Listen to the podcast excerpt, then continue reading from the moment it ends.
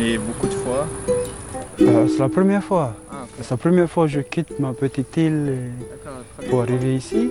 Quand je suis arrivé il y a deux ans, quand je suis arrivé ici, waouh oui. Euh, Tu vois les longues routes, euh, beaucoup de voitures. Ah, donc, euh, euh, si vous avez l'opportunité euh, de, de partager un conseil en trois mots euh, pour le monde entier, que diriez-vous? Vivez. Vivez, donnez et recevoir. Et recevez. Donc, vivez, donnez et, Recevez. et recevez. Ok, pourquoi vous disiez ça? Parce que quand je dis vivre, vivez, on a tellement de la chance de vivre parce que ouais. Parce qu'on est, euh, on est tous mortels et que et rien que le fait de vivre c'est euh, beaucoup de choses. ouais. Mhm. ça rapporte à plein de choses, à manger, à bouger, dormir et à se reposer. Ainsi de suite, ça c'est vivre. ouais. Et, euh, donner. Je dis donner, c'est euh, en relation avec les autres, c'est-à-dire avec les autres personnes ou avec euh, la nature, avec les plantes, les animaux. Et recevoir. c'est- Et là, c'est ouais. c'est comme l'inspiration de l'air. Ouais. Je reçois. Voilà. Voilà. Voilà.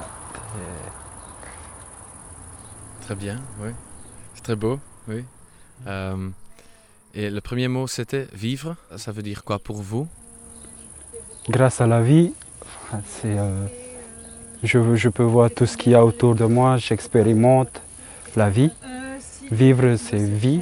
Et vie, c'est, euh, c'est, c'est l'expérience de la vie avec, avec les gens et tout ce qui ne.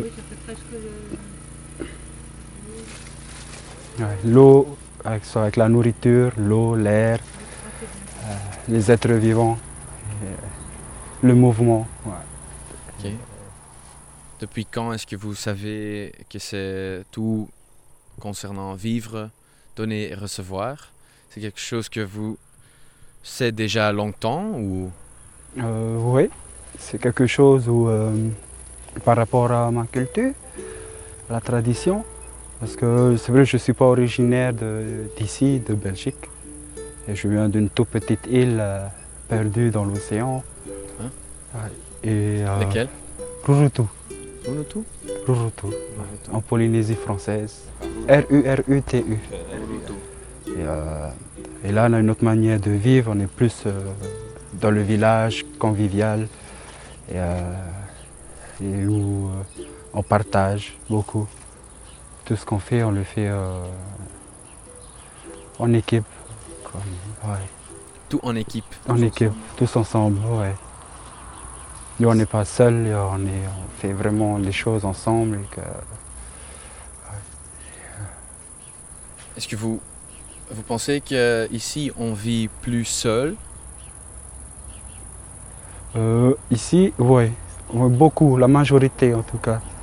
Toi, les gens ils sont beaucoup dans l'individualisme, où, euh, ouais, où chacun pense à lui avant de penser à l'autre. Et, Ok, très beau. et que, mais j'ai quand même découvert des- d'autres personnes, qu'il existe quand même aussi ici. Il y a, il y a un peu des deux. Il y a, il y a- il y a des personnes qui, qui, pour moi, il y a quand même des valeurs euh, de partage et de, de vivre ensemble. Où ça, ça, va, ça, va, ça, va, ça vient, ça arrive. et C'est en route. ouais. Hmm. Si vous avez, euh, si vous pouvez choisir un conseil de quelqu'un dans le monde entier, connu ou inconnu, qui, ch- qui est-ce que vous voulez choisir pour recevoir son conseil?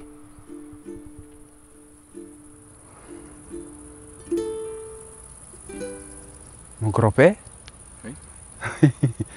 Ouais. En tout cas, c'est toujours les, les personnes anciennes.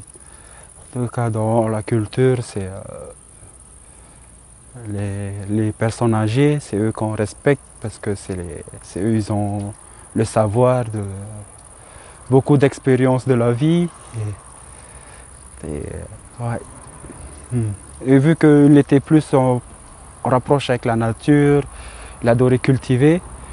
Et aujourd'hui, ben, on récolte les fruits qu'il a plantés, les arbres, les fruitiers qui à son époque il avait plantés. Aujourd'hui, c'est nous qui, qui récoltons les fruits de ce qu'il a fait. C'est beau et tu vois ça, c'est ce que tu peux donner à tes enfants ou tes petits-enfants ou à la génération qui va venir. N'importe qui, tout ce que tu fais aura des impacts pour euh, les autres générations à venir. Et, Mhm. C'est quand même beau. Et vu qu'il était ça, il faisait ça, et par rapport à sa personnalité, il recevait les gens, il les accueillait, il les donnait à manger. et- ouais. Ouais, il a beaucoup de générosité comme ça. ouais. C'est beau. Ouais. Ok. Voilà.